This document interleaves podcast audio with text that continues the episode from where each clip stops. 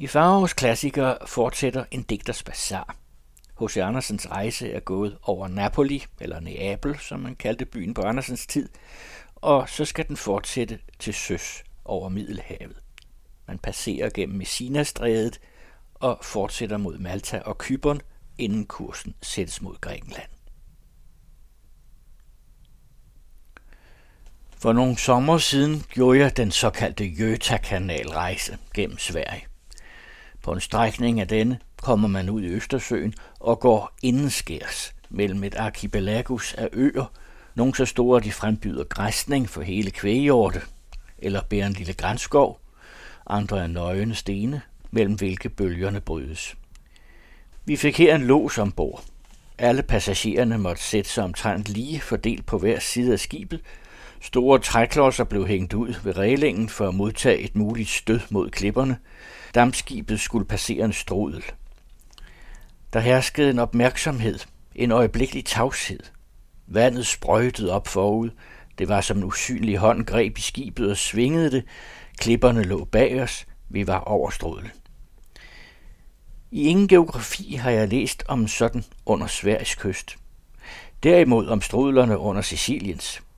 Charybdis og Skylla er verdens berømte navne. Vort skib gled hen over Charybdis strømninger. Vi anede det ikke. Hvor er den vilde malstrøm? Man pegede på havet tæt ved, hvor vi sejlede, men der var ingen særlige bølgebevægelser at se. Hvor er Skylla? Ja, hun lever endnu. Man viste på Kalabriens vilde klippekyst et lille fremspringende fjeld med en mørk forfalden by. Her var en stærk brænding, skønt havet var temmelig roligt. Sort-grå klippestykker ragede frem, der hvor bølgerne brødes. Det var Skyllas hylende hunde, vi så. I en storm tror jeg, at de må kunne høres fra Messinas sandistme. Vi nærmede os denne. Mod nordvest lå de lipariske øer og begrænsede horisonten. Sicilien. Du mægtige træfod i det dybe luftklare hav. Med os hilset. Du vinløv omkransede land, hvor guder har levet, hvor helte har stridt, ved hvis kyster endnu fen Morgana bygger sine luftige trylleslotte. Vær os hilset. Vi gled forbi fyrtårnet, der ligger på den yderste pynt af en sandrevle, der bærer et malerisk fiskerleje og slutter sig til Messinas forstad. Det var som begyndte her en flodsejlads. En mængde skibe krydsede forbi. Fiskere halede deres net og deres både. Børn legede ved stranden. Kalabriens klippekyst havde et forunderligt grønt og rødbrunt udseende. Ganske forskelligt fra Norditalien og Schweizes klipper – de synes mosbegroede lavablokke. Siciliens fjelle ligner kæmpe store forstenede bobler. Det så ud som om øen var kogt op fra dybet og pludselig blevet til sten. Tunge skyer hvilede på bjergene, som var de dampen af denne opkogen. Etna var ikke af øjne. Allerede lå bag os bugten og Messina selv med sine guldgrå paladser og flade tage. Fremmede flag vejede i den trygge havn – men jeg opdagede ikke det danske. En gejstlig mand fra Rom, der stod ved skibets regling, pegede mod messininernes by og fortalte os med stor salvelse om et brev fra Guds moder, et ægte brev, der fandtes i katedralkirken. Det var enhændigt skrevet til Messinas beboere. Han jublede ved erindringen om den berømte varefest, om kirkens pragt og prægtige optog. En søster af ham havde der engang forestillet Guds moder. En maskine på hjul, et stort hus, kunne den kaldes, opfyldt med mænd og kvinder, gamle og unge, udklædte som engle, profeter og helgener, og øverst oppe Messinas forestillende Guds moder, blev trukket gennem gaderne af præster og broderskab. Der er herligt i Messina, jublede han. Messina nobilis fidelissima. Der er dejlige kvinder, sagde en ung franskmand.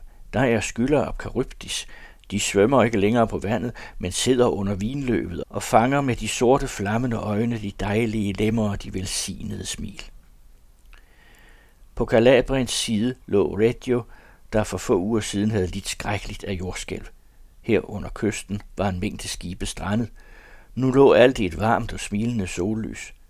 Dog smilet af kysterne her har noget trolddomsagtigt. Min tanke fløj mellem de millioner, hvis hjerte har banket af dødsfrygt og livsløst under disse kyster.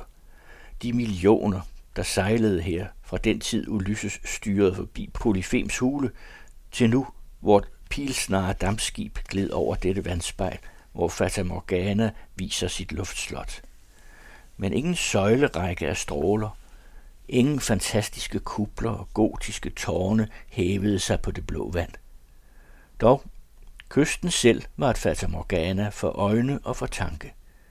I dybe grave af lava og aske slumrer her hele byer og dejlige marmorbilleder, men ovenover vokser nye haver og villager, ovenover tårner sig vilde, mørke fjelle, truende som uværsskyer. Alle dalene der, sagde den unge franskmand, er dejlige vinløvshytter, og i hver sidder ikke Amor, men hvad der er bedre end ham, de dejligste kvinder, så flammende som Etna, så lette som feen Morgana, og de forsvinder ikke som hun, når man griber efter dem. Mig forekom den nærmeste kyst på Sicilien mere vild end smilende. Val di Demona, Djævledalen, kaldes den strækning. Navnet er her ret betegnende. Højt på klippen, hvorfra et vandfald bruser, lå Taormina med sine marmorbrud. Det var Baki, lystige stad, hvor Pankratius, apostlen Pauli disciple, styrtede gudens statue i havet. Fra pragtruinen, oldtidsteatret, hvor engang et helt folk jublede ved skuespillere Aristofanes og Plautus, skuer nu hyrden ensom ud over havet, ser røgsøjlen fra vort skib, vort dampende, flyvende Etna. Men hvor er Siciliens Etna, spurgte jeg. Får vi det ikke at se? Mm, det knejser der, sagde man. Jeg så ovenover fjeldkysten kun tunge skyer. Jeg hævede hovedet endnu mere, så næsten lige vejret, og højt over skyerne i den klare luft stod toppen af Etna, bedækket med sne. Dog rundt om kraterets rand var den smeltet i lange revner. Hvilken storhed! Vesuv er en sandhøj kun mod denne kæmpe, Siciliens stolthed og velgører. Det er et amfiteater for de høje guder selv. Hver trin danner en zone. Den nederste viser os vinbjerge og haver. Den anden er en skovregion med hundredårige træer. Den tredje har kun is og sne. Den fjerde røg og flamme. Altid damper det. Altid sprudler det. Men denne dampen og sprudlen kaldes en hvile, når ikke lavastrømmen flyder milevidt og omstyrter byer og ødelægger vinmarker og dale. Vi gennemskar Catania-bugten. Bølgerne rullede bløde og lette rundt om. Solen skinnede klart. Så dybt ind i dalen vi kunne se, lå Etna med sne. Der var endnu Nordens vinter. Ved foden derimod sydens sommer med friske blomster, med modne frugter, med palmer og indiske fien. Da vi efter middagsbordet igen steg op på dækket, var solen ved at gå ned. Havet skinnede som purpur og guld. Luften havde en glans, som jeg aldrig før har set. Kysterne en lufttone, så smeltende, så farverig. Det hele frembød karakteren af det skønneste asiatiske landskab. Syrakusa lå drømmende, ubeskriveligt dejligt. Der er Santa Lucia født, sagde vor romerske gejstlige. Ja, og Archimedes tilføjede jeg. Det er Agathokles by, og der er Aretusas kilde. Santa Lucia var Guds datter, svarede den gejstlige og sukkede. Hvilken solnedgang, hvilket skue, det kan kun give af den hånd, der i virkeligheden maler den dejlige regnbue på de lette svævende skyer. Lyden af en klokke lød fra kysten ud til os. Det klang så melodisk. Det var som den døende svane sidste tone. I det den bøjer hovedet, og på de store udbredte vinger daler fra luften ned i det blå, det blikstille hav. Klokken var tre om morgenen. Jeg hørte ankeret falde, og vidste da, at vi lå i Maltas havn. Jeg kastede min kappe om mig og sprang op på dækket. Det første jeg så var den aftagende måne. Dens horn var så tynde og bøjet, og dog lyste de som fuldmånen i Norden. Eller kom måske denne klarhed i luften fra de utallige stjerner. En sådan pragt havde jeg aldrig før set, hverken under Italiens klare himmel eller selv i vores nordiske vinternætter. Venusstjernen synes at være en sol. uendelig langt borte, så den kun kunne vise sig som et punkt. Men det var et solpunkt. Den stråler spillede på vandfladen om kap med månens. Stjernerne i Norden er kun glimrende glas. Her er de ægte stene. Mine hænder foldede sig uvilkårligt. Min tanke var hos Gud i beskuelsen af hans herlighed. Der var en stilhed rundt om. Der hørtes ikke en åres plasken i vand, ikke en klokkes lyd. Alt stille som i en ensom kirke. Jeg så rundt om, og bag ved mig stod en lav, gul klippemur, hvis højeste punkt var omformet til en obelisk, der pegede mod stjernerne. Lige for mig og til siderne skinnede hvidgule, store, sælsomme paladser, som jeg kun kendte fra tusind og en nat. Men mellem disse bygninger og mig lå stille og drømmende det ene store skib nær ved det andet. Mit øje tabte sig mellem master. Vi lå i La Vallettas bugt. Hvor vi var kommet ind, opdagede jeg ikke. Det var altså øen, som Homer har besunget, og fønikerne har bemægtiget sig. Kalypsos ø hvor Ulysses tilbragte år af sit liv. Grækernes og kartageniensernes Melita. Øen, der har set vandaler, goter og arabere som sejrherre.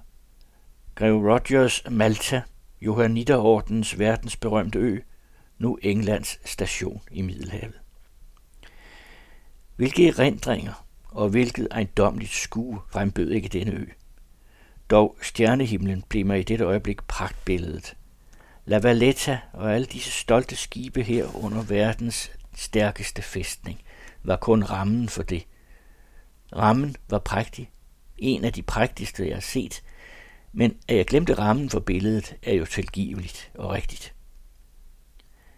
Jeg gik igen til ro, og bogstaveligt sagt kun med himlen i min tanke. Da jeg igen kom på dækket, fandt udskibningen sted. Alt var liv og bevægelse på skibet og udenom det. Hele bugten vrimlede med både. Nær ved os lå to store krigsskibe med dobbelte rækker kanoner, den ene over den anden. Titanurova, Vittoriosa, La Valletta åbenbarede sig som en eneste stor stad. De i klippen hugne fæstningsværker smeltede sammen med bygningerne selv. Arsenalet, en lang maurisk bygning, de fleste palæartede huse. Alle synes de at være formet i klippen selv. I det de er opførte af den gule sten, og derved smelter sammen med den. Skibe kom og gik. Kanonerne hilsede fæstningen og blev igen besvaret. Både med karantæneflag roede rask forbi de store skibe. En mængde joller, der fuldkommen dannede butikker, lå stille under siden af vort fartøj, nogle med frugt, hvoraf hver art havde sit særlige rum, citroner for sig, appelsiner for sig, store græskar dannede rabatten, fine, dadler, rosiner og mandler fandt sig. Det var et broget skue. Andre både bragte urter og grønt, er der andre skjorter, stråhatte og skærf. Der var et helt svømmende marked. Usle små både, der synes i begreb med at synke, styredes af halvnøgne drenge, der kom for at tække. En evig bevægelse var der med passagerer, der kom fra dampskibene eller gik til disse. Der lå ikke færre end syv. Tyrker, beduiner, munke og maltesiske kvinder roede forbi. Neden for falderebstrappen ved vort skib lå over et dusin både med skrigende rorkale, der betragtede os som godt bytte.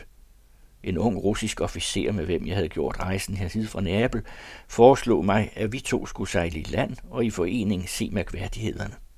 Han ville på vandringen forløbe være kassemester, og vi får afsted. Flere fakiner, alle maurer, flokkede sig ved landingsstedet omkring os for at være vores fører. Vi valgte en, der kun skulle føre os til Hotel de Mediterranea. Den ene las på ham, slog den anden, men han bar dem så kægt, som en fyrste sit purpur. Et par kulsorte øjne lynede i det brune ansigt.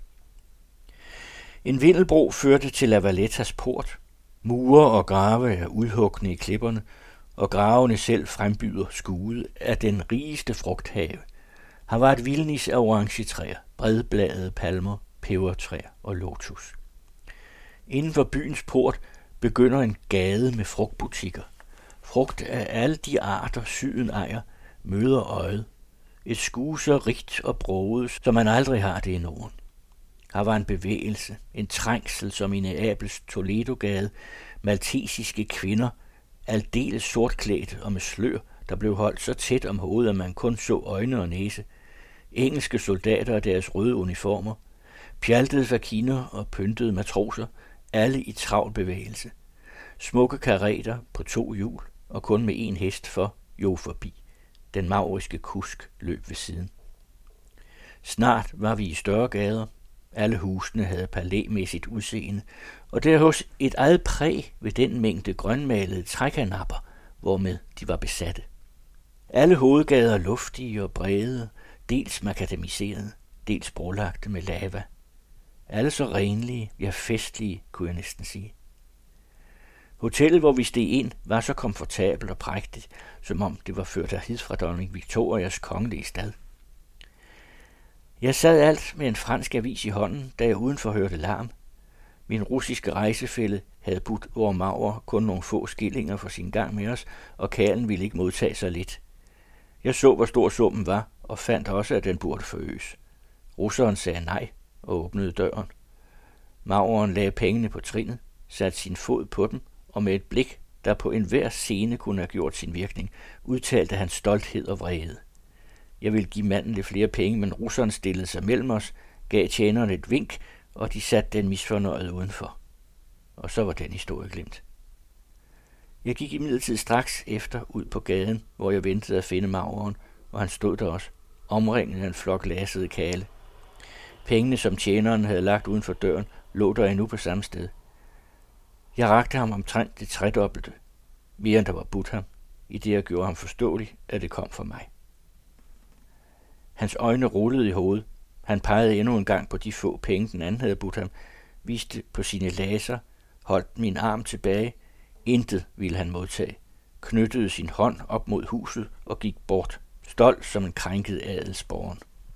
Mig forstemte den første scene på Malta. Hvor besøg gav nu domkirken, der er indviet døberen St. Johannes. Den er lige så ejendommelig som smagfuld. Alle søjler er forsirede med arabeskartede udhugninger, forestillende snirkler og svævende engle. Væggene selv har et rigt forgyldt løvværk og alfresco-billeder, malet af kalabreseren Matteo, et prægtigt højalter og rige monumenter over stormestrene. I det blankpolerede gulv pranger brogede riddervåben, orlet brusede, røgelseskarret blev svunget, og de knælende malteserinder skottede fra det himmelske til de jordiske rejsende. De anede måske, at en ville besøge dem. Guvernørens palads, engang stormesterens, ligger ikke langt herfra. Det er en bygning, der udenpå er lige så skummel, som den indeni er broget og prægtig. I store malerier kan man her opfatte den historiske virken af malteserridderne på Rodos. Dog prægtige malerier og kostbare tapeter kan man finde på de fleste slotte i Europa, men hvad man ikke finder på disse, men kun i guvernørens palads på Malta, er arsenalet. Alle søjler er her slanke, høje og aldeles skjulte med spyd, økser og sabler, der på det mest maleriske er grupperet, som om de udgjorde en del af søjlen selv, som var de kunstige udklipninger, den ene ganske forskellig fra den anden, men alle i samme forhold – hvorved alt bliver harmoni i den uendelige søjlerække. I gillet langs væggene står de tomme rustninger, som malteserridderne har båret, og væggen selv er bedækket med deres billeder, deres skjolde og våben. Øverst ses stormesteren Vinjakurs portræt malet af Caravaggio. En strålende sol pranger over det, og rundt om rosetter af pistoler, arabesker af geværer, sabler og pile. De røde blomster ved Rosaliefesten kunne ikke dristigere flettes til draperier end disse våben det. Op ad den mageligste trappe, et halvt års barn kunne krybe op ad den, kommer man ud på bygningens flade tag, hvorfra man overskuer byen, øen og det udstrakte hav. Det lå blikstille, blinkende blåt, og langt ude skinnede det snebedægte Etna, som en pyramide af kararisk marmor. Den brændende solhede mildnedes af de friske søvind. Jeg vendte mig om mod Afrikas kyst. Malta var mig nu et Norden. Jeg følte længsel som trækfuglen i høst. Min tanke fløj til løvens fædreland. Den fulgte karavanen over ørkenens sand, fløj til de sorte skove, hvilte ved de guldbringende floder og drømte med Ægyptens konger i de skyomkransede pyramider. Ak, må jeg aldrig kommer der.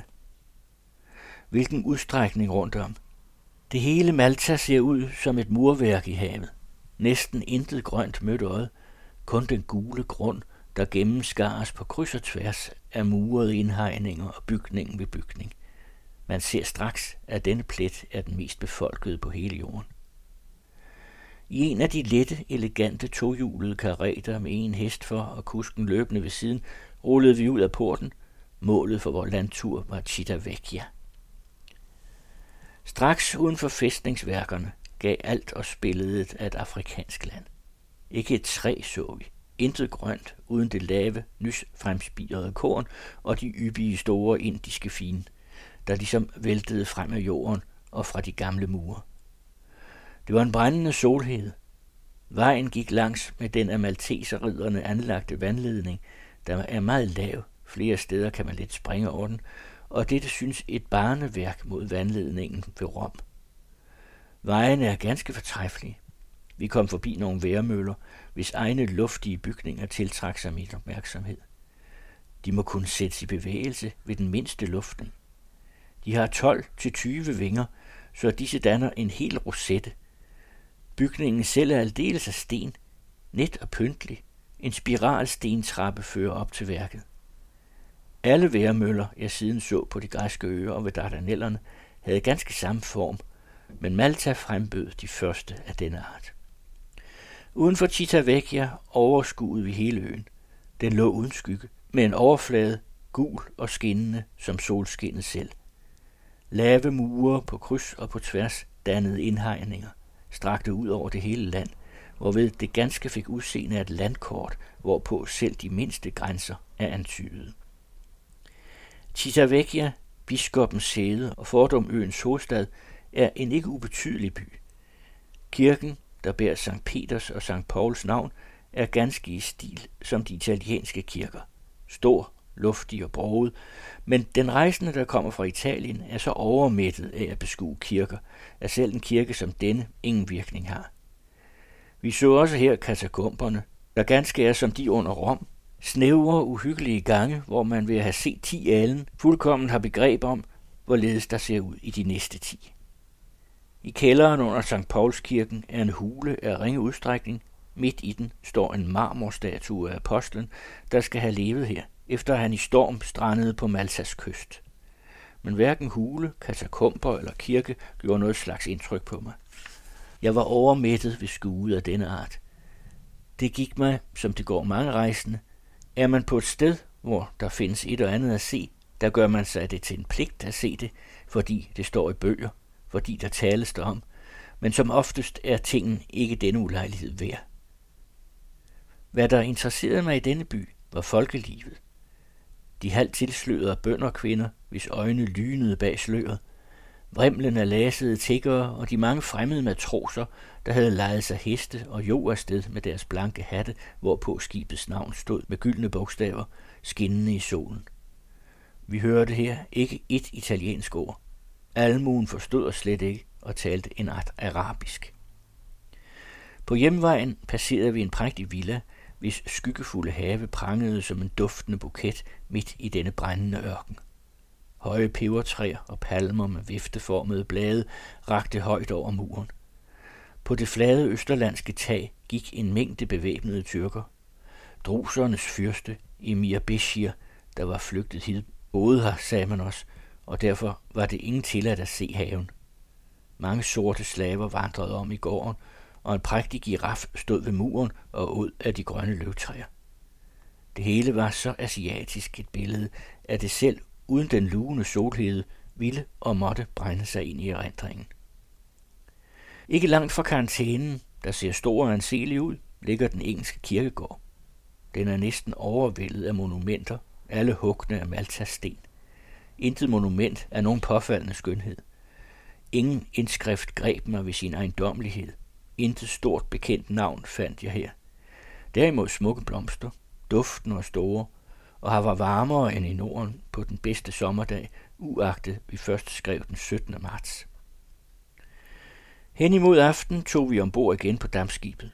Skuet over havnen og livet, der var et skuespil, jeg aldrig glemmer. Da solen gik ned, lød salutskud, og alle flag sank på vort skib. Det var kun få minutter, og natten lå over os uden dæmring, men natten, som den kommer i syden, klar og gennemsigtig med funklende stjerner. Stjerner, der siger, vi er sole, kan du tvivle derpå? Færdslen tabte sig ind i staden. En svag musik lød over til os, men snart brusede den i kraftige toner fra de to krigsskibe, som lå os nærmest. God Save the Queen blev spillet og sunget, som jeg aldrig før har hørt det, men omgivningen bidrog også sit. Nu lød der dansemusik. På et af skibene var der bal. Stjernerne selv synes at danse på vandspejlet. Bådene vippede. Jeg kunne først sille rive mig løs fra dette skue. Tidligere om morgen blev jeg vagt ved, at der blev gjort rent på skibet, efter at kul var taget ind.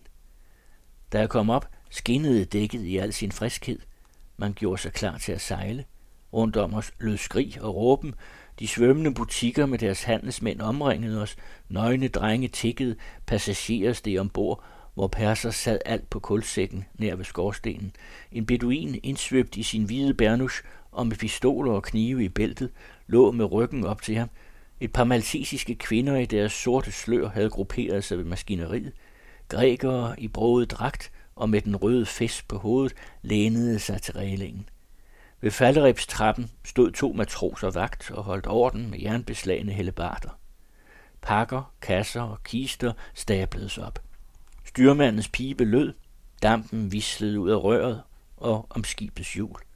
Kanonskud lød, flagene vejede, og i rask fart gled vi ud fra Maltas red, ud på det åbne Middelhav, der lå så blåt og stille, som et fløjelsklæde spændt hen over jorden. Havet synes en blålig duft kun, en stjerneløs, fast himmel under os, og i den gennemsigtige luft strakte det sig så vidt for øjet, som jeg aldrig før har set det. Ingen mørk eller lys stribe begrænsede horisonten. Det var en klarhed, en uendelighed, som ikke kan males, ikke antydes, uden ved tankens evige dyb. Jeg fortsætter de kommende uger med flere uddrag fra en digters bazar.